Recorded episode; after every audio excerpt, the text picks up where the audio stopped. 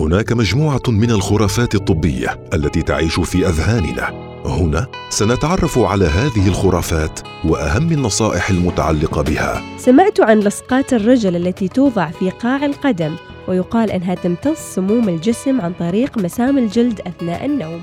يا ترى ما حقيقة هذه الخرافة؟ خلونا نتعرف على التفاصيل. خرافات طبية مع سميرة الفطيسيه لصقات القدم عبارة عن خدعة تجارية. لصقات القدم ستمتص مالك دون امتصاص أي سموم. الشركات الصانعة تكتب أيضاً على علب لصقات القدمين أنها تخفض ضغط الدم وتقلل التوتر وتساعد على نزول الوزن. ولكن الحقيقة العلمية جامعة أمريكية حللت هذه اللصقات بعد الاستعمال.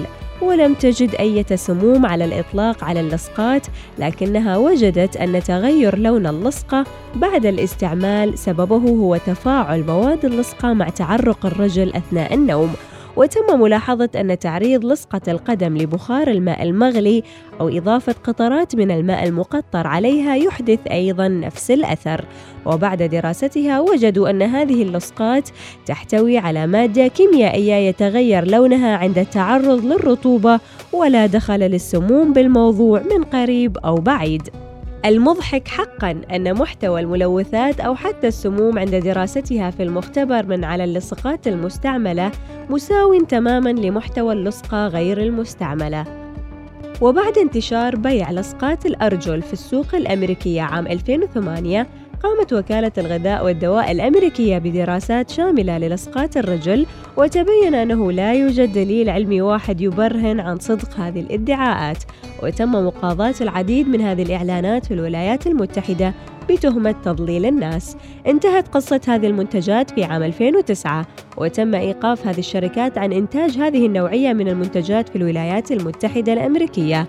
لكنها للأسف لا زالت تباع في بلداننا العربية ولا زلنا نرى إعلاناتها في الجرائد ومواقع التواصل الاجتماعي إلى هذا اليوم. لذلك الحقيقة العلمية تقول لصقات الرجل لا تمتص سموم الجسم من مسام الرجل.